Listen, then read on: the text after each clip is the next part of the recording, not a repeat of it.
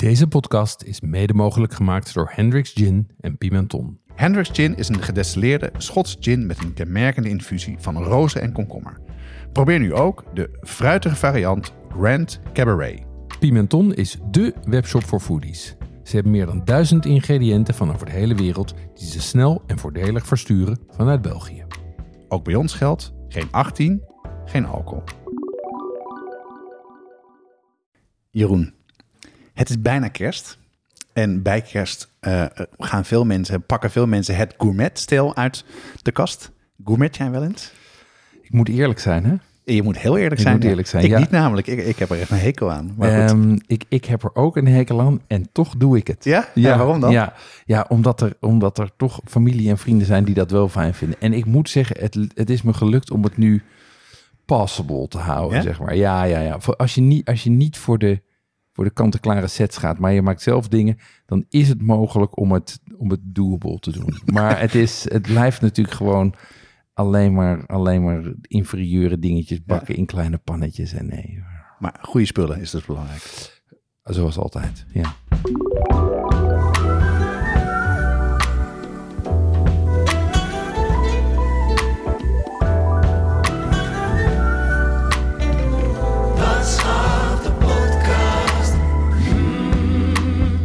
Deze aflevering gaat over kerst in 2022, dus kerst dit jaar. En het leuke is, we hebben deze weer een keer een samenwerking met Okhuizen en een heuse kerstspecial gemaakt. Eh, daarin staat een menu eh, met eigen recepten die nou, geïnspireerd zijn op het afgelopen jaar en dingen die we hebben meegemaakt. En natuurlijk met bijpassende wijnen. Ja, waar gaan we het over hebben? Ehm, we gaan het eerst even hebben over hoe maak je van kerst een succes? Hoe zorg je ervoor dat het niet alleen, niet, niet alleen goede recepten zijn, maar dat het ook allemaal lukt? Ehm, dan hebben we het over het thema en het aanpak van het menu. Is een beetje een stukje proces. Ja? Ehm, en Jouw favoriet onderdeel? Mijn favoriete onderdeel. Eh, en vervolgens, en daar hebben we het meeste zin in, het menu per gericht bespreken, inclusief dit jaar voor het eerst vega-varianten en schitterende wijnen. En eh, we hebben ook een gast, want aan tafel zit Xavier Kat, de eh, eigenaar van Okkenhuizen. Zeker. Ja, zeker. Eh, hij gaat eh, ons zo helpen met de wijnsuggesties, want die heeft hij met zijn collega's hebben die, eh, die uitgekozen bij het menu. Ehm, vertelt meer over de wijnen en waarom het goed bij een, gerecht past. En in het supplement praten we uitgebreid met Xavier door over wijn en kerst, want dat is eigenlijk het moment waarop veel mensen eraan denken om een fles wijn op tafel te zetten. En daar heb jij heel veel over te vertellen volgens mij, toch, Xavier? Welkom trouwens. Dankjewel. Eh heel leuk er te zijn weer. Ja.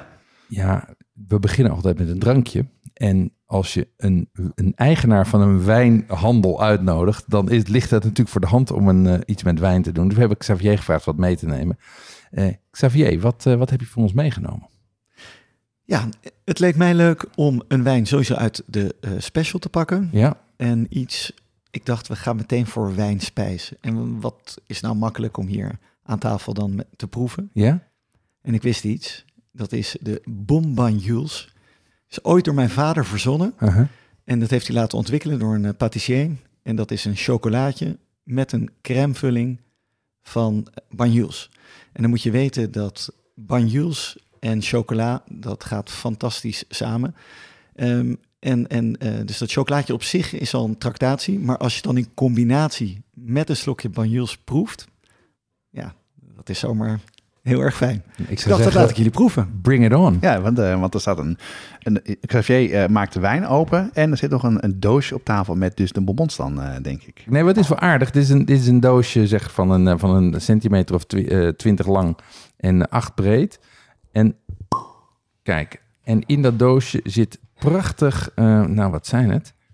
Volgens mij zijn het 14, eh, eh, eh, 14 mooie Oh, wauw, dat ziet er wel heel vet uit. dieprode balletjes. Ehm, en dan wachten wij op de queue. En dan krijgen we... Oh, de, rij- de wijn kleurt ook mooi bij. Oh, die kleur is ook eh, prachtig. Enfin, Dus we gaan eerst een chocolaatje nemen en dan, dan eh, de wijn eh, proeven. Xavier, is dat het idee? Dat is het idee. We kunnen ook beginnen met eerst even de, Ja. de wijn te ruiken en te proeven. Dat is beter, denk ik. Hè? Ja. Dan het chocolaatje en dan het volgende slokje. Oké, en wat drinken we? Het is een Banyuls van eh, Domaine de la Rectorie. Banyuls ligt in het eh, zuiden van Frankrijk, in de, in, bijna in de bocht met Spanje, bij de Ja, Pyreneeën. Aan de kust, hè? Net aan de Franse kant. Het is prachtig. Ja, het is heel mooi daar, ja. De wijngaarden die lopen bijna tot aan zee. Uh, het is ook een bijzonder gebied, omdat aan de ene kant heb je de, de koelte van de zee, en, uh, maar je hebt ook de warmte van het zuiden. Maar de, de, de bodem van lijsteen, van schiste, Ja? die, dat geeft een enorme mineraliteit en een soort van natuurlijke frisheid, ondanks de warmte. En dit is een wijn die wordt gemaakt op dezelfde manier als port. Uh, maar het heeft een heel fruitig en bijna fris karakter, terwijl het ook intens zoet is. Ja. En dan moet je weten dat de Grenache-druif, daar, die heeft een bepaalde tanninestructuur die overeenkomst heeft met die van chocolade. Nou, wat grappig. En, en daar zit, zit de brug.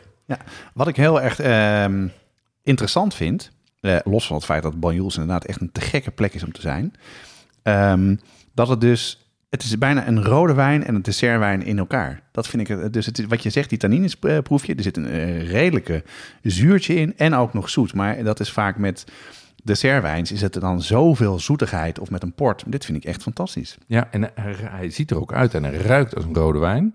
En dat is het misschien. En, en als je hem dan als je hem dan proeft, dan komt dat zoetje. Maar dat zoetje is niet, dat is niet, uh, ik, precies wat jij zegt. Het is nog, uh, het is nog subtiel. Oh, dat is echt te gek. Ja, ja dus ja. inderdaad. Geen meisje chocolaatjes doen. Wat Jonas zegt, die, die, die zuren, die maken die wijn, en die krijgt nou een fris karakter, krijgt het erdoor. Hè? Ja, het is duidelijk een, um, Lekker zo. een, uh, een pure ganache. Ja.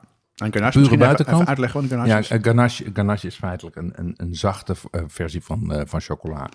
Uh, chocola in room gekookt. Um, en uh, er zit een, zit een redelijke, redelijk stevige, maar ook pure uh, buitenkant omheen. Dus je hebt een behoorlijke crunch. Je hebt ook nog een echt een stuk chocola wat je eet. Maar je proeft ook die zachte binnenkant. Oh, niet te zoet, hè? Het is een, het is een, een, een vrij bittere uh, ja, chocola. Wel aromatisch en bloemig. Um, en ik heb natuurlijk net die wijn geproefd. En die, die, laat ik zeggen, een be- en die hint van dat, dat zuurtje en van die tannines, ja. dat zit ook al in die chocola. En ik ben heel benieuwd wat er gaat gebeuren als we nu een slokje van die wijn nemen. Dus wat er gebeurt eigenlijk, het ligt zo in elkaars verlengde, dat uh, als je die slok erachteraan neemt, dan blijf je het chocolaatje soort van doorproeven. Dus het verlengt de smaak. Absoluut, ja. absoluut. Nou, niet alleen de smaak, maar ook het mondgevoel. Wat vind jij, Jeroen? Ja, ik, ik vind nou, ik, wat, ik, wat mij ook opvalt is dat uh, in die eerste slok proef je nog best wat tannines in die, um, uh, in die, uh, die wijn. op het moment dat je dat chocolaatje eet en je dus dat vet in je mond hebt, dan, dan verdwijnen die tannines helemaal en maken daarvoor meer ruimte voor de onderliggende smaken ja. en aroma's. Ik vind het, ik ja. vind het erg lekker. Ik kan hier wel mee op de open, voor, de, voor de open haard liggen met zo'n doosje aan de ene kant en de fles aan de andere kant. Ik zie het echt helemaal voor me. Op een berenvel. Zeker. Deze wijn, ik vertelde dat net al, die wordt op dezelfde manier gemaakt als een port wordt gemaakt. Ja? En dat is, wij noemen dat muteren. Dus dat is de vergisting wordt gestopt, geblokkeerd door het toevoegen van alcohol. Okay, dat, is, ja, ja. dat is pure alcohol, wijnalcohol. En dat wordt aangevuld tot ongeveer 17, 17,5 procent. Bij port is het zelfs nog iets hoger, is vaak tot 19 procent. 17, 17,5. En dan uh, stopt de activiteit van de gisten. En dan blijft er natuurlijk zoet over. Oh, natuurlijk. Want het zoet wordt uiteindelijk door de gist opgegeten om er alcohol van te maken. Ah ja, ja. interessant.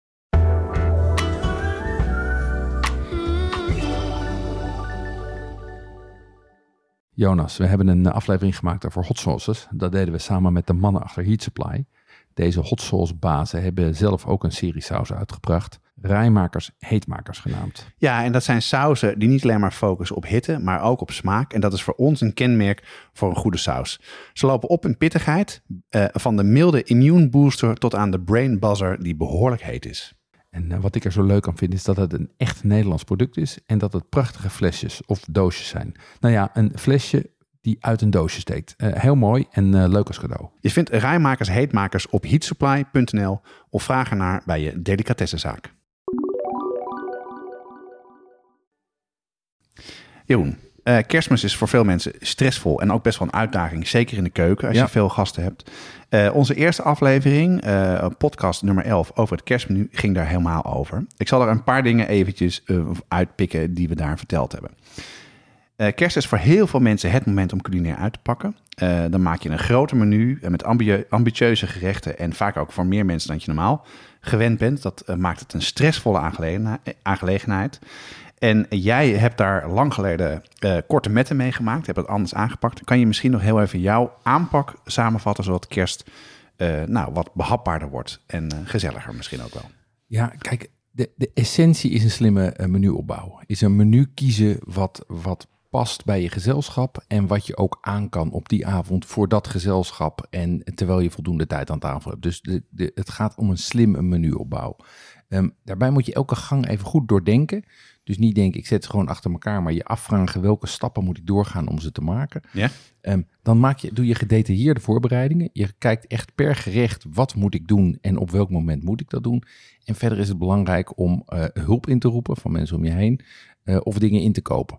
Dus je moet het echt als een, laat ik zeggen, het succes van een kerstmenu zit niet zozeer in de recepten, maar zit hem eigenlijk vooral in, in de aanpak en de logistiek. Nou ja, ja.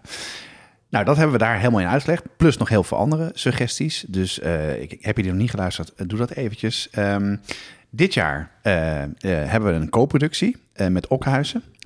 Xavier, jij hebt ons gevraagd om het recept of het menu te maken voor jullie. Hoe is dat die, het idee voor die samenwerking ontstaan? Um, nou, ten eerste omdat jullie in ons leven zijn gekomen. en Waar wij heel blij mee zijn. En ook ik uh, uh, jullie podcast heel graag uh, luister.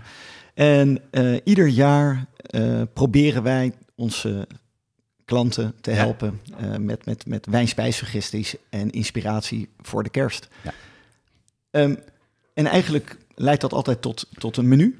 En soms benaderen we restaurants, chefs maar we zijn erachter gekomen dat dat vaak hele ingewikkelde bereidingen zien, zijn. Ja. Op de foto ziet het er altijd mooi uit voor in het blad. Ja, ja. Maar, uh, en, maar onze klanten die gaan er ook echt mee aan de slag.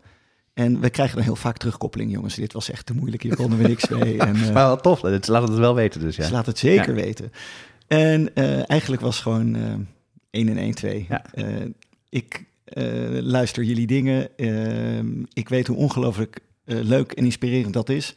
En toen dacht ik gewoon, ik heb gewoon een stoute schoen aangetrokken. En jullie gevraagd, kunnen jullie niet een kerstmenu verzinnen? En dan verzinnen wij de wijn erbij. En, ja, leuk. En zo geschieden. Ja, dat is, en zo is het inderdaad gegaan. Uh, we hebben een, een, menu gemaakt, daar gaan we zo alles over vertellen. Dat hebben we ook en, enkele weken geleden met elkaar proefgekookt in restaurant Sink uh, met chef uh, Sander Bierenbroodspot. Dat was al heel fijn, want we hebben we alles kunnen, zowel kunnen fotograferen door, door jullie, door het team van Okhuizen. Maar we hebben ook alles bekeken, besproken en ook wel een expert ernaast gehad die wat tips kon geven. Um, daar heb je een heel magazine van gemaakt, want Okhuizen heeft een eigen tijdschrift.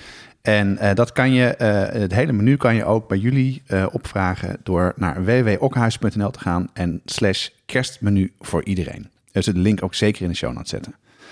Um, het menu, Jeroen. Daar um, uh, zorgen we eigenlijk altijd voor om een thema te kiezen. Ja. Of een soort van uitgangspunt te kiezen. Dat is ook een van jouw tips om uh, slimme menu te maken. Hoe, waar hebben we deze keer op gelet om terecht wat Xavier zegt, wel een menu te maken wat mensen makkelijk thuis kunnen maken? Dat was wel een van de uitgangspunten, toch? Ja, dat was de uitgangspunt. Dat was ook een ontzettend leuke vraag. Om iets te maken wat, laat ik zeggen, wel spectaculair is, wel impact heeft. Wel dat je denkt van, hé, je, zet echt even wat neer. Zonder dat je meteen uh, je in allerlei bochten moet wringen. Um, we hebben natuurlijk, het is, het is ook een vineus uh, menu. Dus we hebben ook gekookt op, wij, op we hebben uh, recepten gekozen die, die leuk met wijnen zijn. Ja. Dus we hebben gekozen voor een klassieke Franse opbouw. Sowieso houden wij eigenlijk wel altijd wel van een redelijk klassieke aanpak. En niet zozeer van het, uh, van het gourmetten of, of andere vormen van, van koken met kerst. Dus klassieke Franse opbouw bestaat uit een amuse en vier gangen. Um, wat we belangrijk vonden is dat het in het seizoen is. Dat vinden we altijd belangrijk, maar dat vinden we ook met kerst dus een belangrijk ding. En dat is best een uitdaging. Want met kerst zit het natuurlijk midden in de winter, dus is het, is het knollentijd. Ja, dus uh, seizoen qua producten die, uh, die je verwerkt in. Precies, ja. precies. Um, omdat we ook zien dat op dit moment de prijzen enorm uit de pan zijn gerezen, wilden we geen dure ingrediënten gaan gebruiken. Um, en vooral voor vis is het op dit moment is het onwaarschijnlijk duur. Ja, en dan helemaal met kerst, hè? Dan zijn de ja, prijzen nog uh, met, omhoog. Ja, nou dat hebben we ons wel eens laten uitleggen door de jongens van Woordvis. Met kerst koopt half Italië koopt de Nederlandse vangst aan, uh, aan platvis op. Um, de prijzen liggen nu al zo hoog door de hoge brandstofprijzen. Dus we dachten, ja, vis moeten we gewoon, daar moeten we een beetje rustig aan mee doen. Want ja. anders gaan mensen het niet maken. Want als jij 150 euro moet uitgeven voor vier gangen vis, ja, ja vier maanden vis, dat is niet de bedoeling. Um, En wat we dit jaar eh, nog prominenter hebben neergezet, is dat we bij elk gerecht een vegetarische variant wilden hebben. En zijn dat dan hele aparte vegetarische gerechten die je bereidt? En, en waarom, waarom zo dan eigenlijk op vegetarisch dan? Nou ja, kijk, wat, wat wij zien, ik zie dat in mijn, ik bedoel, mijn zus is, te- is tegenwoordig vegan, dus ik zie het in mijn directe omgeving steeds meer mensen Vegan eten, ja, Ja, eten ja. minder vlees of Ja. eten helemaal plant-based. Ehm, ook in je familie. En je wilt, het is toch iets wat je met de familie viert. En je wil niet iemand uitsluiten daarin. Ehm, en het is ook, vegan kan ook een gerecht zijn voor moeilijke of dure ingrediënten. We hebben er bijvoorbeeld oesters in zitten. Ja, niet iedereen houdt van oesters. Dan heb je dus ook daarmee een, mooie, eh, een mooi alternatief voor hen. Ehm, wat we wel belangrijk vonden, was dat het volwaardige gerechten zijn. Dus dat je niet de vegan weer een, een, een, een omelet eh, met paddenstoelen geeft als hoofdgerecht. Nee, weet je, wel echte Het vlees gerechten. weglaten en de rest eh, op tafel zetten. Ja, maar je wilde wel beperkte inspanningen hebben. Dus waar Ja. we naar hebben gekeken zijn gerechten waar je zeg maar het, waar je het, het proteïnedeel, het dierlijke deel, eigenlijk kan swappen voor iets plantaardigs en toch nog een volwaardig gerecht houdt. Want dan heb je dus een volwaardig gerecht zonder dat je ontzettend eh, overboord moet gaan en eigenlijk gewoon een heel tweede menu koken. Ja, en want daar hebben we dus, we hebben eigenlijk het menu gemaakt met steeds twee eh, gerechten in ons achterhoofd. Hè? Ja. Dus alles, het moet dus, daardoor is het ook behapbaar in, in de keuken. Klopt. Kan je dus het maken voor één iemand aan tafel eh, die vegan of ve- vegetarisch wil zijn. Of je kan gewoon heel menu, heel gerecht eh, omgooien. En dan gaat het dus niet dubbel zoveel werk opleveren. Ja, en ik ga dus ik ga dit jaar ook zelf de, de, de vege- helemaal vegetarische menu maken voor, eh, voor de dag dat mijn zus komt. Oké. Dus we gaan, wij gaan, ik ga vegan dit jaar. Ik ben heel benieuwd, want we gaan zo wat eh, gerechten bespreken. Dan ben ik heel benieuwd of dat, dat gerecht ook eh, vegan gaat worden, maar dat horen we zo. Waar gaan we mee beginnen, Johnny? De, met de amuse. Ja, we beginnen met een amuse. Dat is een Zeeuwse oester. We hebben een aflevering gemaakt voor oesters. Ze waren geïnspireerd. Gerold in gerookte zalm. En shiso met een citrusdressing. Nou ja. Hey, en is dat complex om te maken? Nee, dat is simpel. ehm, want al het snijwerk kan je voorbereiden. Je zalm, je shiso, je gember, je dressing... kan je allemaal zeg maar al een dag of twee dagen van tevoren doen. Ja. Vervolgens maak je twee uur van tevoren de oesters open... en rol je die rolletjes. En dan heb je dus eigenlijk op het moment dat je aan tafel gaat... hoef je alleen een rolletje te pakken. Die presenteer je in de schaal. In de schelp ziet er ook spectaculair uit. Ja. Je, je gooit een drupje van die dressing erbij... en je bent van start. Nou ja. Hey, en eh shiso, dat, kan je dat misschien kort toelichten? Ja, shiso is een blad. Ehm, en als ik me niet vergis, is het van de basilicum-familie, maar het smaakt niet naar basilicum. Het is heel peperig. Heel, heel kruidig, ja. Ja. En, ehm, en dat heeft, het, heeft van die, het heeft van die ribbeltjes aan de rand. Het ziet er heel mooi groen uit. En het combineert lekker met, die, eh, eh, met, die, met zowel die zalm als die oester als die soja. Ja, het geeft een extra en lekker eh, geparfumeerde, maar ook peperige smaak eraan. Is echt een, ook een Japans ingrediënt is dat, hè? Klopt. Hey, en wat maken we dan een, als eh, vegetarische versie van de amuse? Ja, wat we daar doen is dan nemen we een oesterzwam. ehm, en die rol je in, eh, eh, in wortel en shiso met weer die citrusdressing. Ja? Ehm, en die kan je dus voor enkele gasten maken. Voor de mensen die niet van oesters houden. Of voor de mensen die graag plant-based Ja, willen mijn, eten. mijn zoon gaat dat niet doen, die nee, oester. precies. Ja. Ehm, en de extra voorbereiding is heel beperkt. Je moet namelijk die oester blancheren. En, eh, Oesterzwam. ja, toch? oesterzwam, precies. En die plakjes wortel blancheren. En dat is het. Dat is Ja, het enige wat je extra Ja. hoeft te doen. Interessant hoor. Hey, en ehm, eh, in de voorbereiding hiervoor hebben we de recepten ook zo geschreven. Hè? Dus je kan dus, die voorbereiding zat er heel duidelijk in. Er staat ook duidelijk in dat je dingen soms wel twee dagen van tevoren kan maken. Ehm, dus dat helpt ook met het, met het bereiden daarvan. Eh, en dat hebben we ook gedaan bijvoorbeeld met eh, de vegetarische variant. Dus eh, in principe moet dat gewoon goed te doen zijn. En dan komen jouw lessen en jouw stappen ook om een stressvrije kerst te hebben. Komt ook terug in de recepten. Ja, dat is een, is een eenvoudig stappenplan. Even, wat jij net al noemde, is misschien wel leuk om even op in te gaan. Jij zegt dat het een Ja- Japanse invloed hè, van die shiso. Ehm, daar komen we verderop ook nog tegen. Misschien is het leuk om uit te leggen waarom we dat hebben gedaan. Ja, ja dus jij, jij gaf net al een beetje het klassieke Franse menu als thema. Eh, Het, het eh, in, in seizoen zijn, het swappen van, van vega voor proteïne. Maar we hebben er ook voor gekozen om een soort van ondertoon in smaak te maken die uit de Japanse keuken komt. Ja. Eh, dat hebben we beide gemerkt in restaurants waar we gegeten hebben. We zijn, beide in Gent bijvoorbeeld bij Rizoom geweest. Dan was dat heel duidelijk aanwezig. Maar bij coulissen gebeurt dat ook. Eh, jij hebt gegeten bij Café de Parel. Dan zei je ook, daar kom ik, kom ik ook diezelfde dingen tegen. En bij de school doen ze naast het fermenteren ook veel gebruiken ze eh, van dat soort ingrediënten. En wat het dus doet, je gebruikt of soja, of miso, of, of shiso, of, of dashi of andere dingen. Dat brengt een soort van eh vlezigheid en een soort van ondertoon in je gerechten. En dat is ook heel handig als je bijvoorbeeld eh, de, met de vegetarische versies aan de slag gaat. Dan geeft die, die, die smaakmakers maken het gewoon voller. En dus ook nou ja, eh, lekkerder en prettiger om te eten. Het is ook dat, wat dat echt niet een Japans menu, helemaal niet. Maar het zit gewoon een kleine touch van Japanse smaakmakers. Ja, leuk. Dat brengt wel meteen natuurlijk een uitdaging eh, eh, voor de wijn. Zeker. Xavier, wat, eh, wat gaan wij schenken bij deze eh, oester, dan wel oesterzwam? Ja, we gaan natuurlijk de kerst gewoon beginnen met een eh, feestelijke bubbel. Dan is de toon meteen gezet. Ja, Heeft iedereen er meteen zin in. Ehm, en bovendien gaat eh, een mooie mousserende wijn schitterend samen met, eh, met een oester. Ja, klassieke combinatie. Eh, we hebben hem al eh, eerder voorbesproken toen Ja. we het over de oesters hadden. Eh, dus dat was voor ons een makkelijke keuze. We hebben eh, een aantal verschillende mousserende wijnen geselecteerd. ja, Ik zou nu graag vooral willen ingaan op de Bulle de Roche uit Saumur. ja. Ik denk dat dat een prachtige keuze is. Ten eerste qua prijs-kwaliteit, maar eh, ook qua stijlwijn. Ik denk dat die... Het is gemaakt van Chenin Blanc. Mhm. Het is een wijn met een hele frisse zuurgraad. En, eh, en die Chenin geeft altijd uit de, in de Loire ook een soort van aardse ondertoon. En eh, die zuren die hebben we nodig eh, in dit gerechtje. ja.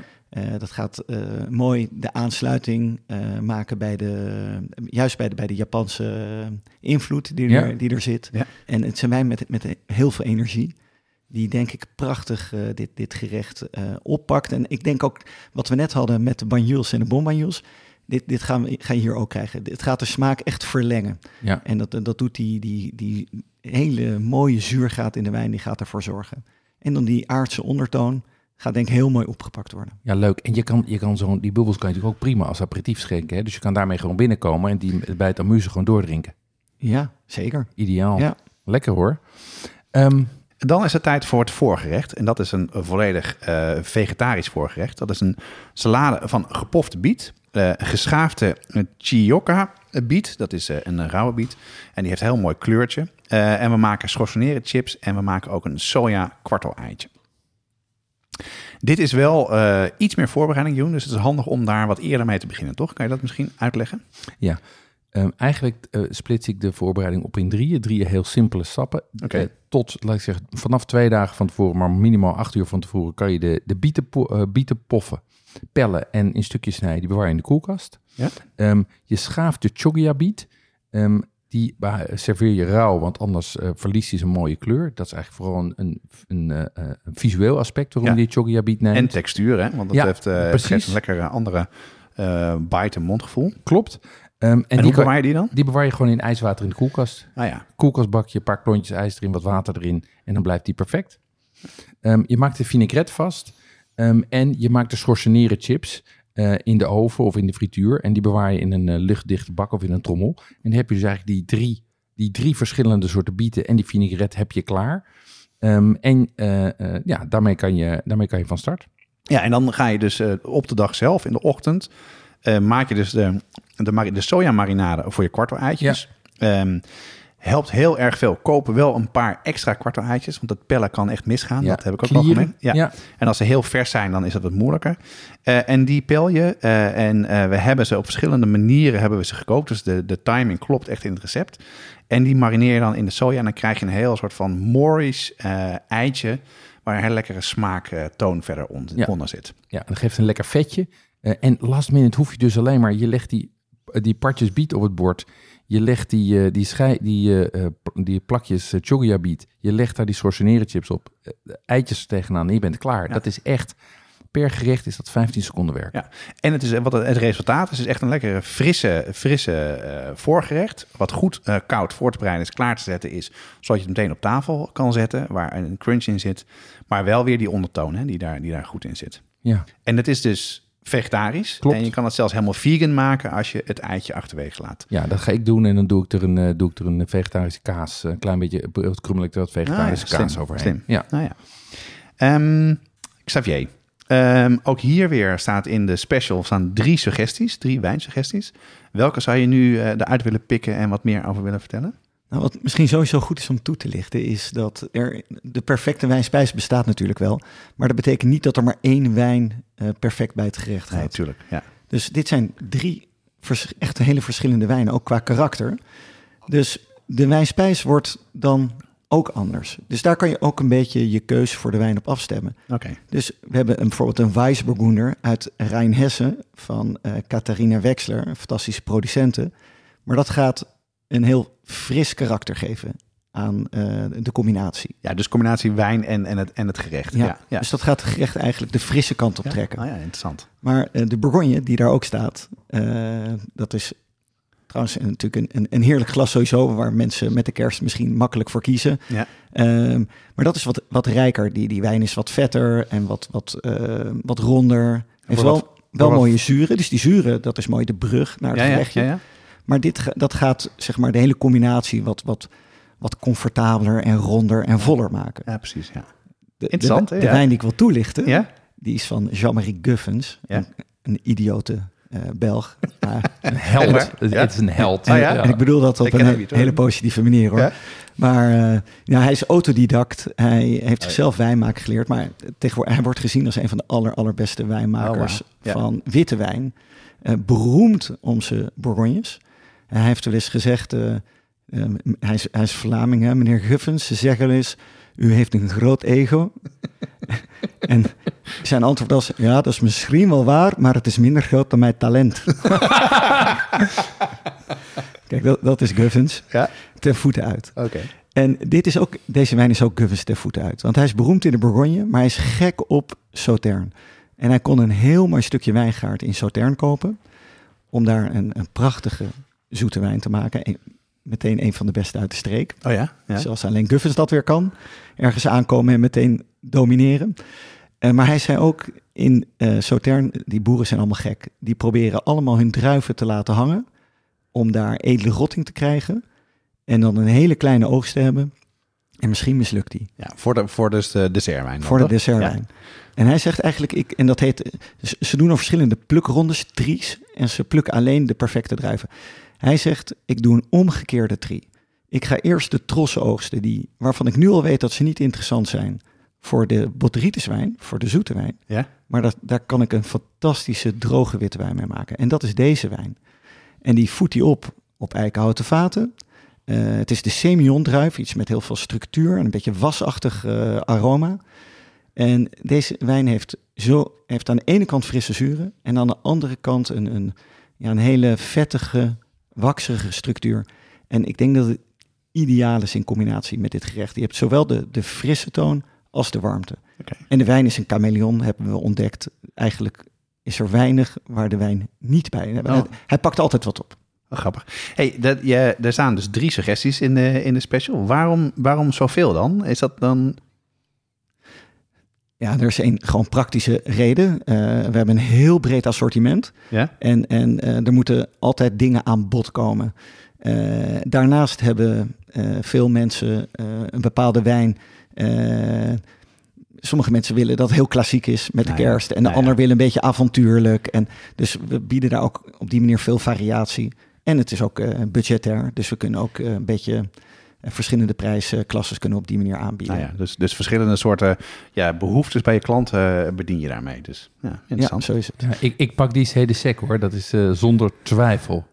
Die, uh, die laatste waar je het net ja? over had. Ja, die, Dat, die, die wijn hebben we ook gedronken met, uh, met Jannie van der Heijden. En dat is een, ik vind het een briljante wijn. En ik zie hem al helemaal gaan met het gerecht. Dus volgens mij gaat dat helemaal goed komen. Inderdaad. Chateau Closio Cedesec. Ik had de naam nog niet eens gezegd. Ja. Um, we komen aan bij het tussengerecht. Het gerecht waarvan ik uh, weet dat of Jeroen spijt gaat krijgen als hij hem niet uh, als hij hem vegan gaat maken, of dat hij misschien uh, voor zichzelf in de keuken nog ergens even iets gaat doen. Um, in het interview wat, we, wat met ons afgenomen is in de Vine Vineuze, zei je al, dit is jouw favoriete gerecht. Ja. Wat ga je niet maken? Wat ik, wat ik niet ga maken, wat ik misschien stiekem in de keuken ga maken, is het geflambeerde reuzengarnaal met een pittige limon mayonaise en bieslook. Het is echt heerlijk. Ja, en voor de vegans of vegetariërs of mensen die niet van garnalen houden, of als je budgetair geen garnalen wil nemen, ja, precies. kan je geroosterde schorseneren doen. Uh, dat geeft ook een heel mooi gerecht. Um, Wat voor een garnaal gebruik je? Dit staat aan een reuzengarnaal. Welke, welke Ja. kies je dan hiervoor? Eh, Voor de foto's en eh, als je all-out wil gaan, we hebben hier hebben we gekozen voor een, eh, voor een Carabinero. Dat zijn die, die brandweerrode of nog donkerrode, de eh, aardbeirode eh, ehm, garnalen. En Ehm, groot, hè? Heel groot. Ja. Heel lekker. Die hebben een beetje een, een ge- gejodeerde ondertoon. En die kan je dus eh, net undercooked maken, zeg maar. En dat is echt fantastisch. Maar goed, dat kost ook wel wat.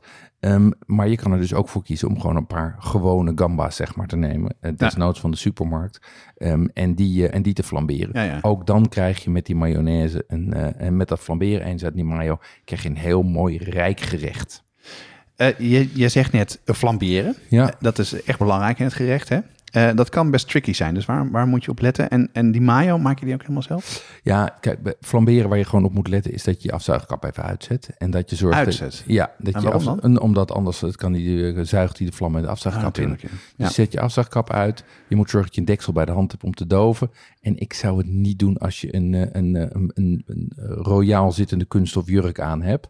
Want dan loop je net te veel voor Ja. risico dat die, eh, dat die aangaat. Dus ik zou daar even rekening mee houden of vragen dat iemand eh, te doen. En misschien een Ehm, keer proberen van tevoren, toch? Ja, ja maar het geeft, wel, het geeft wel echt net, zeker hierbij, want wat je doet is je, kook, je bakt die garnaal vrij kort. Het is wel lekker als hij een beetje, hij verbrandt ook een beetje aan de randjes door dat En flamberen. waarmee flambeer je hem? Ehm, ik flambeer, eh, wat ik, het, wat ik het lekkerste in dit geval vind, is om te flamberen met Islay whisky. Met whisky? Eh, ja, Ah, met whisky, eh, want die heeft ook dat gejodeerde. Dus dan krijg je nog een wat sterkere zeesmaak ervan. Ah, ja. Ehm, maar als je het lekker vindt om met cognac te doen, of als je het lekker vindt om met iets anders te doen, moet je dat met grappa, moet je dat, of met rum, moet je dat vooral doen. En de mayonaise. Eh, hoe, die maak je helemaal zelf? Ja, nou, we geven eigenlijk geven we drie opties. Ehm, je kan gewoon klassieke mayonaise op het handje kloppen. En dan vervolgens limoen en de pittige componenten doorheen doen. Ehm, je kan het snel doen in de staafmixer. Ja. Dat hebben we al eens eerder gezegd. Dan doe je gewoon je vet en je ei. Doe je in een, ehm, doe je in een, in een mengkom. Trek je de, zet je de staafmixer in, trek je hem omhoog. Is je mayo goed. Een soort magisch, hè? Ja, Zorg ervoor dat er genoeg vocht bij zit. En Dat, dat, is je, de truc. en dat je een krachtige staafmixer Ja, hebt. ja, ja. ja. Ehm, en het makkelijkste is natuurlijk gewoon een kant-en-klare mayo's nemen. Een schep eh, eh, van de pittige saus doorheen Ja. te doen. Even roeren en klaar. Mag ook van ons. En wil je, dan, wil je dan meer de zure kant op gaan of wat meer de zoetige kant van de mayonaise? Of maakt dat niet zo uit? ik, ik ben voor de zure kant, maar Ja. als je zelf meer van zoet houdt, kan dat ook. Ehm, ik, maar ik denk dat zoet, als je, als je meer op het zuur gaat zitten, dan hou ik de zoetigheid van de garnaal wat meer omhoog. Dus ik precies, ben voor iets zuurder. En je gaat hem toch uiteindelijk eh, pittig maken met gochujang. Dat Ja. is een Koreaanse chili-pasta. Dus dan maakt ja, die, dat verschil in, in zoet en zuur ietsje minder uit. Eh, waarom doe je dat? Waarom eh, zit het erbij? eh, gochujang, ik, wij, zijn, wij eigenlijk allebei zijn al jaren fan van gochujang, maar het is een beetje een obscuur ingrediënt.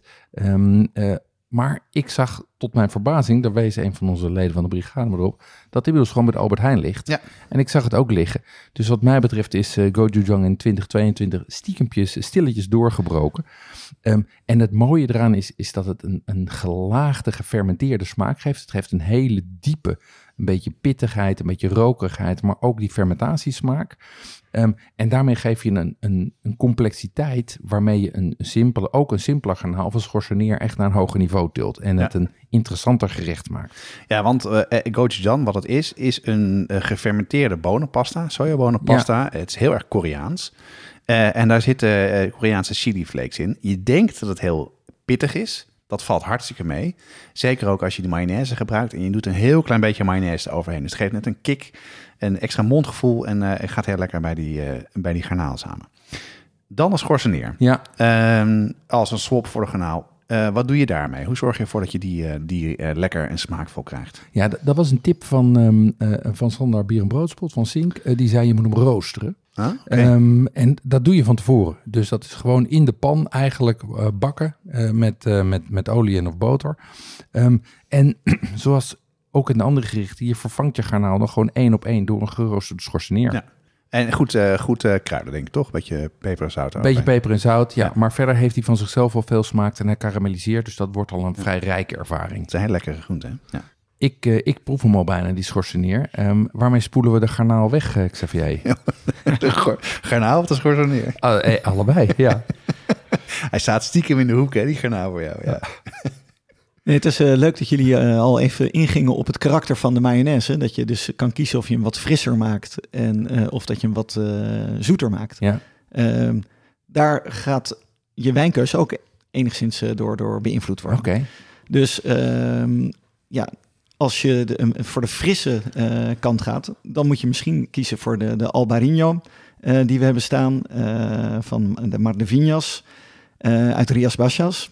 Ehm, maar eigenlijk is mijn favoriet bij dit gerecht is, eh, een rosé uit de Provence. Dus wij hebben er eentje geselecteerd van Domaine du Défend, eh, Rosé du Nuit. Dat zijn druifjes die in de nacht worden eh, geplukt en dan de rest van de nacht mogen weken om een kleur af te geven. En daarna wordt het geperst en wordt het gemaakt als een witte wijn. En waarom wil ik die rosé uit de Provence? Die heeft aan de ene kant een hele zachte, milde kruidigheid. Maar er zit ook altijd een, een... De wijn is niet zoet, maar dat rijpe, zoetige fruit... dat sluit zo mooi aan bij het zoete vlees van die garnaal...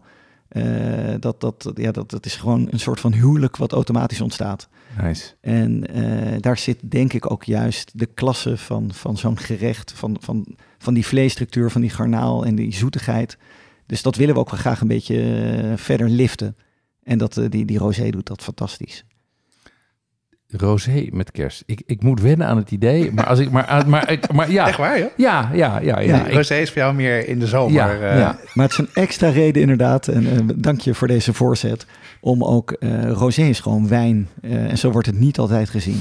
Maar als je zo'n kwaliteitsrosé Het is Als gewoon natuurlijk gewoon wijn. Ja. Ja, maar Ja. mensen die, die, die combineren het in, in hun hoofd zit, dat is dat gewoon, dat hoort samen met bij de zomer. Ja, ja, gek? En, ja. en zodra de zomer voorbij is, dan blijft de rosé liggen. ja, zonde. En eigenlijk is dat heel jammer. En zeker met een gerecht als deze. Dat, ik wil niet zeggen het schreeuwt om rosé, maar het is wel een hele fijne combinatie. Ja, ja, ja. Dus, dus zet je er overheen, Jeroen, ja, en eh, pak gewoon die fles rosé hierbij. ja, misschien, misschien moet ik dat dan maar doen eh, om mezelf te troosten, omdat ik geen garnaal heb eh, dit jaar. Ja.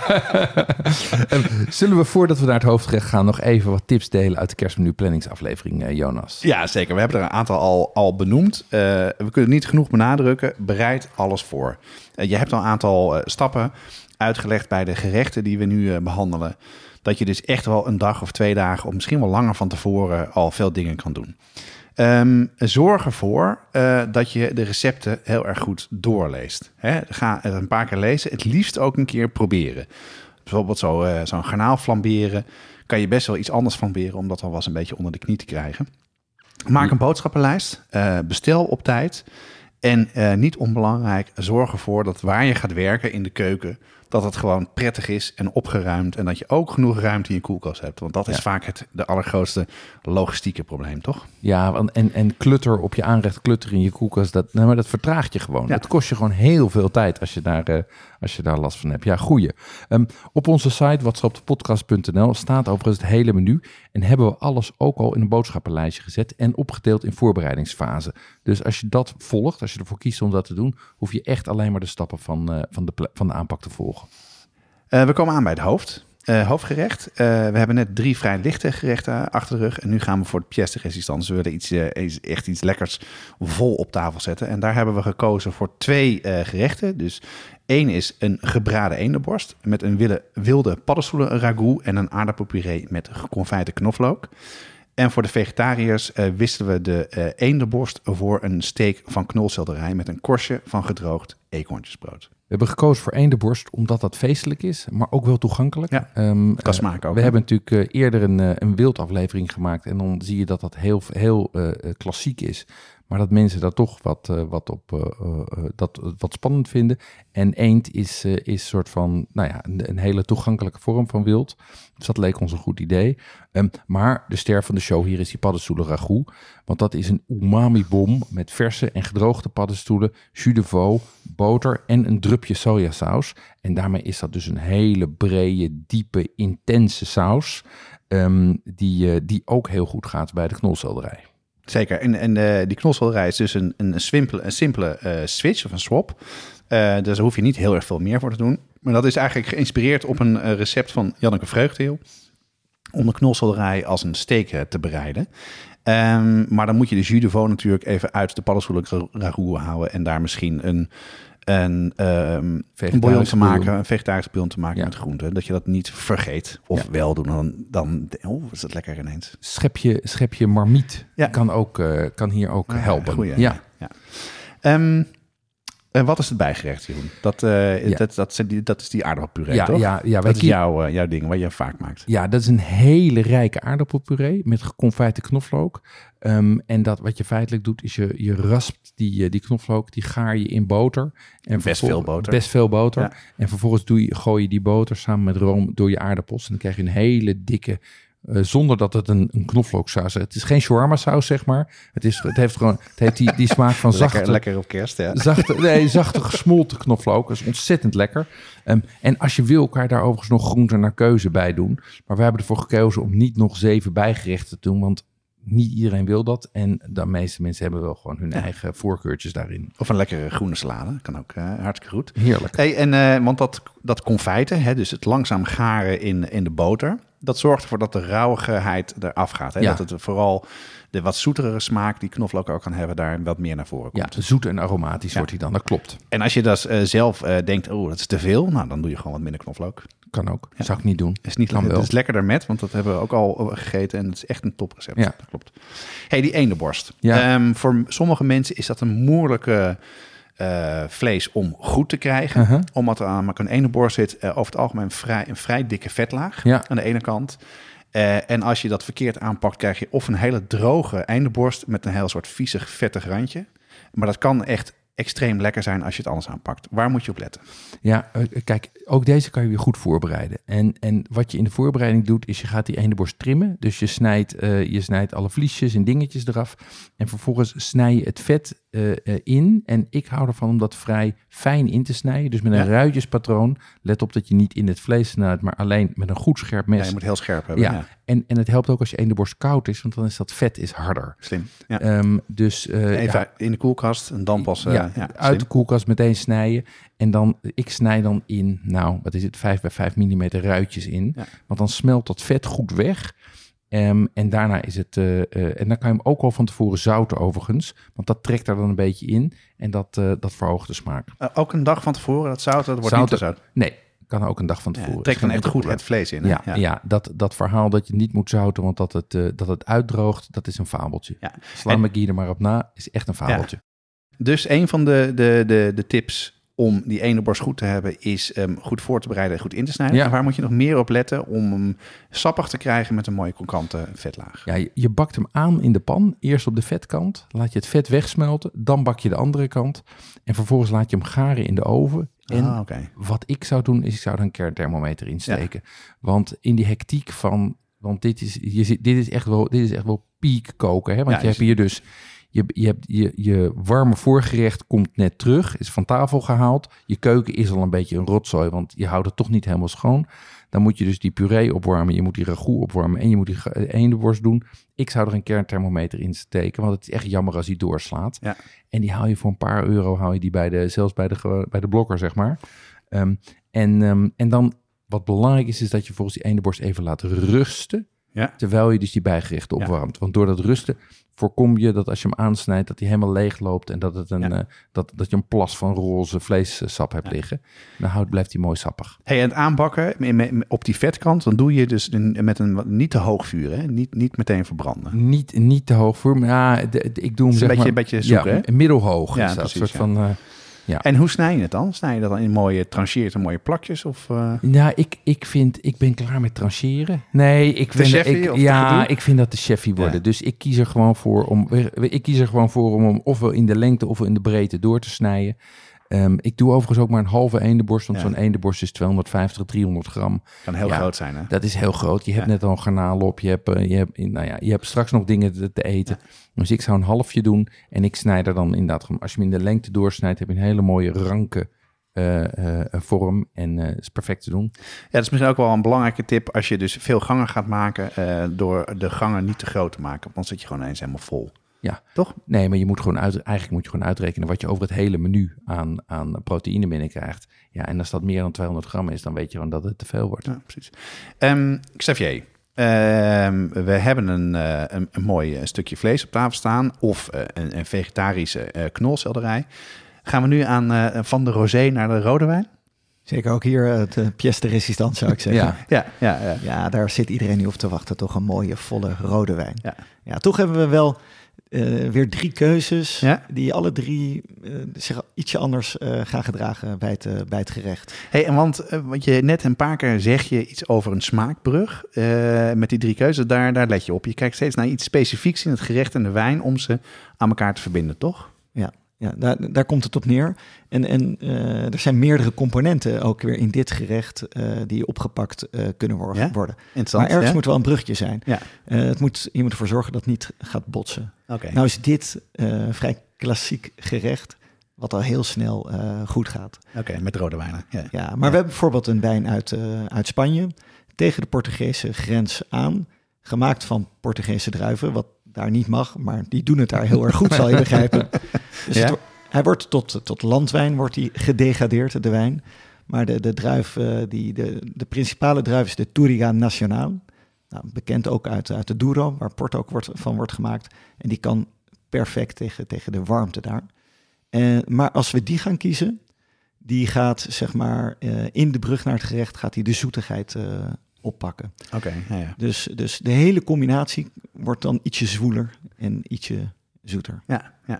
Eh, we hebben ook een Pinot Noir uit Burgenland, uit Oostenrijk, van Birgit Braunstein. Oh, nice. Lekkere wijn is dat. hè? Heerlijke wijn. Ja. Eh, Die heb ik ook, eh, gisteren nog opgedronken. Ja, die heb ik. eh, ja, die vind ik echt heerlijk. Lekker. ik, ben er ook, ik ben er ook gek op. Ja. Maar het is een wijn waar we meer de elegante kant op Ja. gaan. ja, ja. ja. Dus ehm, ik denk heerlijk hoor, want het is een rijk gerecht. Dus die wijn gaat een beetje frisheid, frisheid Ja, brengen, Inderdaad, ja. ja. Beetje verlichting. ver- Ja. verlichting. Ja. En dat kan eigenlijk ook bij zo'n wat langer diner eh, precies zijn waar je, waar je zin in hebt op, Ja. op dat moment. Ja. En sommige mensen die houden niet van te zware wijnen en die, en die houden niet van te veel tannine en die krijgen er misschien hoofdpijn van. Eh, vaak is dat trouwens gewoon de hoeveelheid wijn en, Ja, en, en ja, niet de type natuurlijk. wijn. Maar, Ja. maar goed, Ter, dat terzijde, ja. Maar eh, ook Pinot Noir heeft ook eh, een bepaald zoetige rood fruit. Dus dat gaat ook eh, de, de zoetigheid gaat het mooi oppakken. Ik denk ook met, met de saus, met de, met de paddenstoelen ragout moet ik zeggen. ja. eh, dat die wijn heeft ook wat aardse tonen. En ik denk dat, de- over een bruggetje gesproken, ik denk dat dat weer ook heel mooi gaat met die Pinot Noir. ja dus, dus een, een redelijk, relatief lichte rode wijn.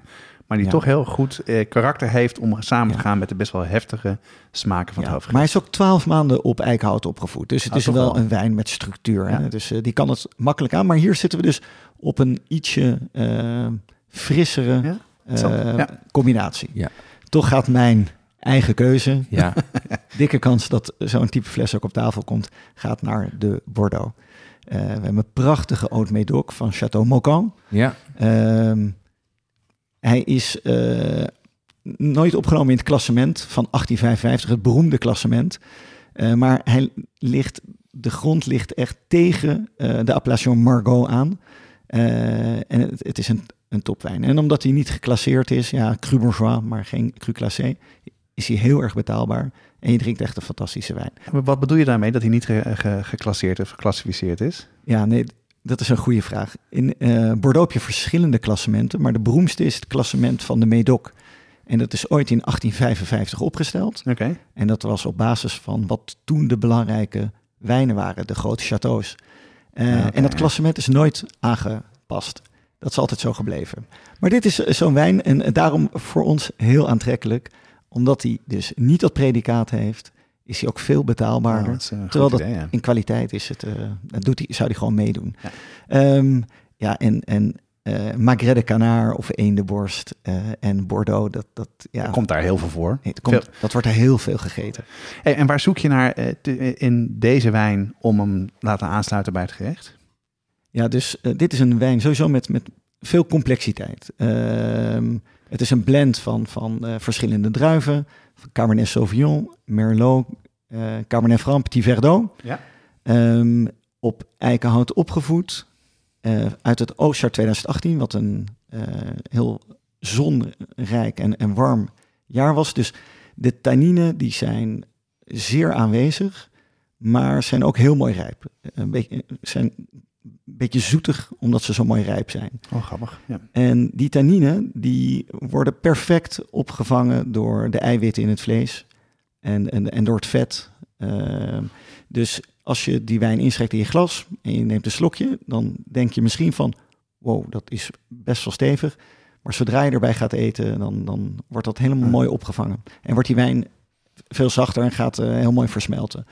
Ehm, en ook hier gaat ook weer die ragout eh, met die paddenstoelen. Die gaat heel mooi opgepakt worden. Want ook in Bordeaux heb je, weet je die, die, die aardse ondertoon, die, die, die zit er ook in. Die komt dan heel mooi, eh, komt heel mooi terug. Lekker hoor. Ja, ik Trek vind, een wijntje, Jeroen? ja en, ik, en ik, ik vind deze keuzes echt heel leuk. Want het, ze zijn ook echt... ehm, bedoel, je hebt, je hebt, je hebt de, de, de Oostenrijkse wijn die wat verlichting eh, biedt. Die Ja. verfrissing geeft. Goed bij de knol Ja. misschien. Precies, je hebt, die, je hebt die Spanjaard die, laat ik zeggen, echt, in, die echt inzet op de power wine en de behoefte om gewoon even langzaam weg te zakken. En je hebt de elegantie en, de, en, de, en het klassieke van, een, eh, ehm, eh, van, de, van, de, ehm, eh, van de Bordeaux. Dus ik vind, die, ik vind die breedte heel leuk. Ik zou het heel lastig vinden om te kiezen. Ehm, maar eh, het top, eh top pairing. Lekker Ja. hoor. Ja, en wat goed is om aan te vullen, inderdaad, Bordeaux heeft ook. Eh, wat maakt Bordeaux zo bijzonder? Waarom eh, zijn heel veel liefhebbers toch altijd weer gek op Bordeaux? Dat is ook dat die zuur gaat. Dus het is aan de ene kant is het power, maar er zit altijd elegantie in. En dat komt door die fantastische zuurgraad die in, Ja. die, in die wijnen zit. En dat, ja, dat, dat maakt ook dat die combinatie nooit log en heftig wordt. Met een Bordeaux wordt het eigenlijk altijd... Het is krachtig, maar het is elegant tegelijkertijd. En dat, dat, ja, dat Ja. maakt het eh, zo lekker. In het menu staat nu het dessert, Jonas. Ehm, zelf zou ik eerst liever een kaasplankje nemen, eigenlijk. Ehm, daar hebben we trouwens een hele Engelse aflevering. versie. Het Engelse menu. We hebben Eh, een Frans menu gekozen, Jeroen. Ja, ja, ja. Nee, nee, maar dat eh, in de... eh, nee. Of klopt dat? Of nee, nee, het nee. In het Engels, in de Engelse komt het zoet na de kaas. Eh, komt de Ah, kaas na het zoet. Nee, in de Franse Dus eigenlijk zouden we nu... een kaasplankje doen. Zou ik gewoon doen hoor. Ja, en we hebben een hele aflevering over gemaakt. 59 kaasplank. Daar leggen we perfect uit hoe je die samenstelt. Ehm, maar ja, met dit dessert zou ik misschien ook wel meteen doorgaan. Ehm, kan jij verklappen wat we, hebben, wat we als eh, dessert hebben? Eh, we maken een moulot van eh, bittere chocolade met, een, met miso en een crème fraîche met matcha. Wat is een mouleu? Eh, dat is een eh eh, lava cake, wordt het wel genoemd. Ja. Het is een, een soort van chocoladetaartje, klein taartje wat je neerzet. En het, het hele doel van een taartje is dat het een vloeibaar binnenkant heeft. Dus je snijdt hem open en dan loopt die chocolade eruit. En dat is nog niet zo makkelijk, kan ik je vertellen. Mm, maar eh, dit, is, dit is ontzettend lekker. Wat doen die miso en die matcha daar dan bij? Nou, wat we al zeiden, we willen dus een, de, dat Aziatische thema hebben we ook willen doortrekken eh, in die, in die ragout. En die paddenstoelen Ja. waar we het net over hadden. Daar zit veel sojasaus in. En eh, dus in alles zit er een soort van touch in, eh, Aziatisch of Japans. En hier wilden we de miso gebruiken. Ehm, ja, het, het klinkt raar. Miso is best wel zoutig van, Ja. van zichzelf, maar het geeft ook heel veel umami. Maar ik, ik denk dat iedereen wel eh Ben Jerry's of andere karamel zeezout ijs hebben gehad. Of, dat gaat heel goed samen, zout en, en, en zoet. Eh, en wat het dus ook eh, doet, het brengt ook een soort wat hartige smaak bij. Het zit niet al te veel in. Je denkt Nee. misschien ietsje, iets te veel, maar we hebben het verschillende eh, hoeveelheden geproefd. Ja. En het is echt lekker. En dat matcha, dat is groene thee. Ja. Dat is een poeder wat je, waar je thee van maakt, Japanse thee. En dat laat zich heel goed mengen met een beetje zurige, frisse van een crème fraîche. Maar het geeft ook een soort van bittertje en ook een lekkere extra smaak die erbij zit. En het gaat heel goed samen. Ja, dus, dus eigenlijk met die miso en die matcha krijgen we iets meer complexiteit in het, eh, eh, in het gerecht. Absoluut, ja. Ja, ja. ja. Wat extra lagen. En Jij, jij noemde net al even dat het lastig is om dat goed te krijgen. ehm, want die binnenkant die moet vloeien, maar de buitenkant moet stevig genoeg zijn.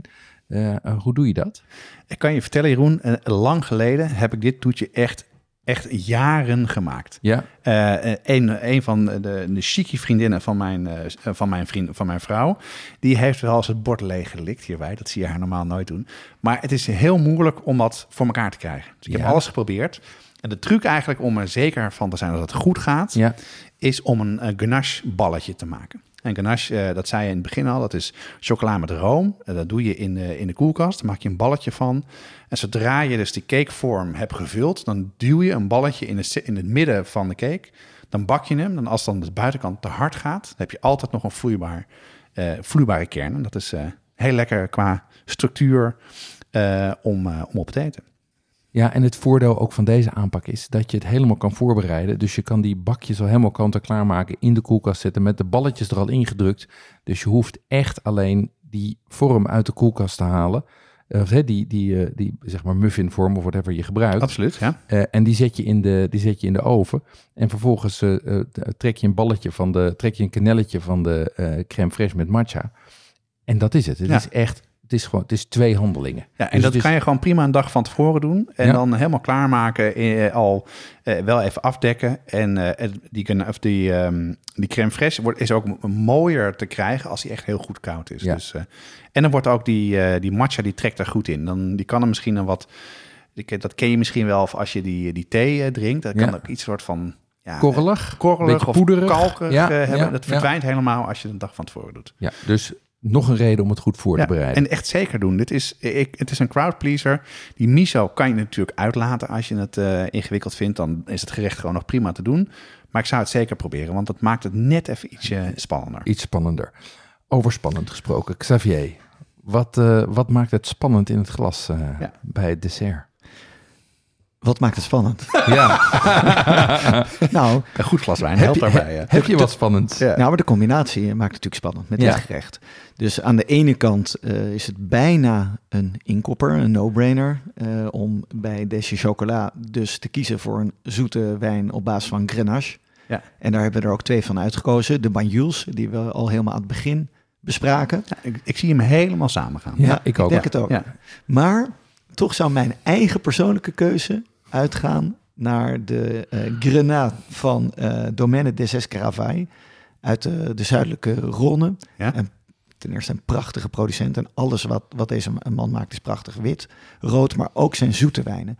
En ik doe dat eigenlijk, en want dat is toch wel het, het, het- de complexiteit in de, in de combinatie, eh, dat, dat, die wordt eh, gegeven door die eh, matcha. Ehm, en daar denk ik dat de, een beetje het bloemige, het florale karakter Ah, ja. van die Escaravai Ja. dat heel mooi op gaat Ja. pakken. Ja. En dan is het ook nog eens zo dat hij eigenlijk hij is ietsje transparanter in kleur en ietsje lichter en ietsje minder intens dan eh, de Banyuls. Dus de wijn heeft een bepaalde luchtigheid. En ik denk eh, dat, dat de, de Moelleux, die gaat met beide wijnen prachtig. Maar in combinatie met die eh, matcha zou ik dan, denk ik dat die Escarava iets heel spannends gaat doen. Vanwege dat florale karakter in die, in die wijn. Ja, en ik vind wel, want dessertwijnen eh, is altijd wel zo'n knaller aan het einde en soms te veel, te zoet. En als hij inderdaad nog lichter is dan we, nu, dan we net hebben geproefd, kan me heel goed voorstellen. Interessant hoor. Ja. Ja, en kan ook goed bij het kaasplankje trouwens. En hij Zeker. kan ook goed. eh, Ja, Ja, want ja. jullie hadden het over het kaasplankje. Kaasplankje en wijn, dat is natuurlijk eh, altijd een hele lastige. Ja, ja zeker. Ja. Want mensen die, eh, nou de port, eh, die, die, die gaat ook altijd wel trouwens lekker. Al zou ik dan voor een meer geoxideerde stijl kiezen. Dus niet een, eh, een Ruby of een eh, Late Bottled Vintage, maar ik zou denk ik eerder een Tawny doen. Eh, maar 70, 80 procent van de kazen die gaan het, het mooist met witte wijn samen. Dat eh, weten heel veel mensen niet. Dus eh, wat dat betreft is het altijd lekker om nog wat van die witte wijn van het voorgerecht eh, over te hebben. En, en die gewoon weer dan opnieuw in je glas te schenken. Ja, ja. Of misschien een kaasplankje voor, eh, aan, aan het begin. Als iedereen eh, langzamerhand met honger aankomt lopen, hè, dan stil je dat ook een beetje. Ja. Of, of op zijn Engels een Ja. kaasplankje voor de open haard. eh, voor Ja, de, jij begint er zelf over. Er is in ieder geval plaats voor een, ka- een kaasplankje. ja, ja. En we hebben daarover, dat zei je net al Jeroen, een hele aflevering gemaakt. Ja. En daar was ook al een van de tippen van, eh, van Lieve en Joppe... is eh, gewoon, gewoon s'avonds na het diner nog even lekker een beetje kaas eten. Met een Heerlijk. wijntje erbij. Helemaal top. Ja, deze wijn trouwens, die wordt ook weer op de portachtige manier gemaakt. Eigenlijk alle drie de wijnen die we hier hebben uitgekozen. Nou Oké. Dus ze worden allemaal gemuteerd. En deze doen, eh, is op een wat lager alcohol, dus 16,5 procent. Eh, Die, je- die je zou kiezen die goed bij die, Die, matcha die past. Ah, ja. ja. en dat is ook wel lekker. Niet te hoog in het alcohol. Nou, eh, ik hoop dat de luisteraar dat gevoel nu ook heeft. Wij zijn heel enthousiast over dit, dit, dit menu. Ook omdat het ja, zoveel eh variaties en mogelijkheden heeft. En ook met de wijnen, wat we, wat we nu gehoord hebben. Ehm, Jeroen, zou jij nog even willen samenvatten... en ook de sleutel willen delen tot een geslaagd kerstdiner? Ja, we hebben het al een aantal keer gezegd, maar het, de essentie is natuurlijk een slimme menuopbouw. Ehm, eh, elke gang doordenken en gedetailleerde voorbereidingen. Dat zijn, de, dat zijn de, de dingen die je gewoon moet doen, die ervoor zorgen dat, alle, dat je door een beetje werk aan de voorkant zorgt dat je heel weinig stress hebt op de avond zelf. Ja, en, eh, wat eh, Jeroen net zegt, dat geldt natuurlijk ook eh, voor de wijnen. Die moeten we ook goed voorbereiden. En ik hoorde jullie al, punt, ja. al zeggen van er moet voldoende plek in de koelkast zijn voor al het eten. Maar ook de wijn moet natuurlijk ook op goede temperatuur zijn. ja. En nou zitten we natuurlijk in de winter. Dus als je de mogelijkheid hebt, kan je natuurlijk ook de fles buiten zetten, de witte wijn. En waar we ook op moeten letten, als de, de open haard lekker brandt. En eh, we hebben allemaal de verwarming wat, wat zachter in deze tijden. Maar misschien op kerstavond. En rood, want, want ja, daar- want, want daar moeten we zorgen dat die niet te warm is. Ja, Nee. precies. Ja. Dus die zou ik ook gewoon eventjes buiten of in de koelkast eh, zetten. Eh, want die willen we gewoon eigenlijk op 16 graden. dat is best cool, hè? Ja, dan, ja, omdat die op gaat warmen. Ja. En dat gaat vrij snel. Ja. Dus als je hem op 16 graden op tafel zet, eh, binnen de kortste keren is hij in je glas op 17, 18 graden. En dat is lekker. Maar als die wijn op eh 20, 21 graden, dat, dat, dat is gewoon minder, minder prettig drinken. Dat ben ik helemaal met je eens. En dat is natuurlijk heel snel het geval. Zeker als je de wijn in de keuken hebt staan en je hebt de oven aan eh, en je, Je, hebt hebt kaarsen dingen. branden. Dan wordt hij heel eh, snel heet. Ja, ja. Ja. goed punt. Ja, goed om op te letten. Ja, heel goed. Ehm, nou, eh, ik zou zeggen, je kan dus ons menu gebruiken plus de wijnsuggesties eh, van Xavier. Eh, maar vorig jaar eh, hebben we een heel, eh, een heel kerstmenu gemaakt wat gebaseerd is op wild. Dus daar kan je op de site zoeken naar die podcast en de, de, het menu daarbij. Het jaar daarvoor hebben we een battle gehad tussen Franse en Engelse menus. Dus de ene keer de kaas voor en de andere keer de kaas na het toetje. Ja, we vertellen wie niet wie er heeft gewonnen. gewonnen, nee, dat vertellen we niet. Dat ben ik vergeten. Alle menus hebben... Alle menus hebben eh, overigens bijpassende wijnen. Ehm, en die staan er ook nog allemaal op. Dus eh, daar kan je eh, ook volledig mee uit de voeten. Oké, maar ik zou zeggen, ga voor dit menu. Ehm, zullen we nog even samen doornemen, Jeroen? Ja, Ehm, dan beginnen we met, een, met de amuse. Is een Zeeuws oester gerold in gerookte zalm en shiso met een citrus soja dressing. Of je, ver- je vervangt de, de oester en de zalm voor een oesterzwam gerold in wortel. Met dezelfde dressing. Ja, dan het koude voorgerecht is een salade van gepofte biet, geschaafde chogia biet en schorseneren chips met een sojakwartel eitje. Het tussengerecht eh, is een geflambeerde reuzengranaal met een pittige limoenmayonaise en bieslook. En eh, voor de vega's of mensen die niet van garnalen houden, hebben we een geflambeerde schorseneer met diezelfde pittige limoenmayonaise en bieslook. Het hoofdgerecht bestaat uit een gebraden eendenborst met een wilde paddenstoelen ragout met dus een sojasaus erdoorheen. En, en aardappelpuree met een geconfijte knoflook. En eh, voor de vegetariërs hebben we hier een knol selderijsteek met een paddenstoelenkorstje met diezelfde wilde paddenstoelen ragout en de aardappelpuree met geconfijte knoflook. En we sluiten het eh, diner af met een dessert van moelleux van bittere chocolade en miso. En daarop een, eh, matcha crème fraîche. Ja, en we hebben dus bij alle gerechten hebben we. Verschillende wijn, eh, wijnen geselecteerd en wijnarrangementen. Ehm, in verschillende stijlen en verschillende prijsklassen. Xavier heeft er uitgebreid over verteld en die staan allemaal op de site. Ja, en dan kan je dus eh, ook voor een proefpakket kiezen. Jullie hebben een heel mooie twee proefpakketten gemaakt eh, eh, van de een en de ander. Die kan je bestellen ook tegen een goede prijs. Dat doen je dus, of je een link op onze site, dan kom je bij Okhuis terecht. Of je, je kijkt in de Fineuse of op jullie website en kiest voor de alternatieven die er nog bij staan. Want dat dan in het blad staan er drie en de proefpakketten zijn er dus twee versies. Ja, en Jonas en Jeroen, ik moet jullie echt enorm complimenteren met eh, dit fantastische menu. Ik weet zeker dat in ieder geval de klanten van Okhuizen hier heel blij eh, mee eh, zijn en zich eh, zullen laten inspireren. Daar ben ik van overtuigd. Nou, wat leuk. Dankjewel. En leuk dat je ons gevraagd hebt daarvoor. Ja, en wij vonden het ook hartstikke leuk om te doen en eh, dit met je team eh, te bereiden. En eh, ik denk dat het ook echt een menu is. eh, wat ik zeg, ik ga het zelf maken, dus eh, dat uh, says enough. Ja. Ik ook. Ik ook.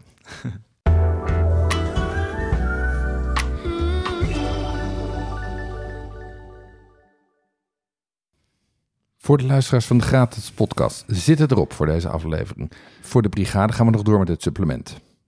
In het supplement praten we door met eh, Xavier Kat over wijnen uh, en kerst. Hoe kies je die, welke temperaturen, et cetera, et cetera. Als je ook lid wil worden van de brigade, ga dan naar petjeaf.com slash podcast en meld je aan. Deze podcast wordt gemaakt door Jonas Nouwen en Jeroen Doucet. En een speciale dank deze keer aan Xavier Kat en het hele team voor de wijntips en uh, de, het leuke menu. Het team bestaat uit Corianne Straathoff, Annie Tazelaar, Paul Veldkomp, Cato van Paddenburg en Jesse Burkunk. En de muziek is gecomponeerd door Nico Bransen en Ton Dijkman en wordt uitgevoerd door Mel en Vintage Future. Tot de volgende keer. Tot de volgende keer.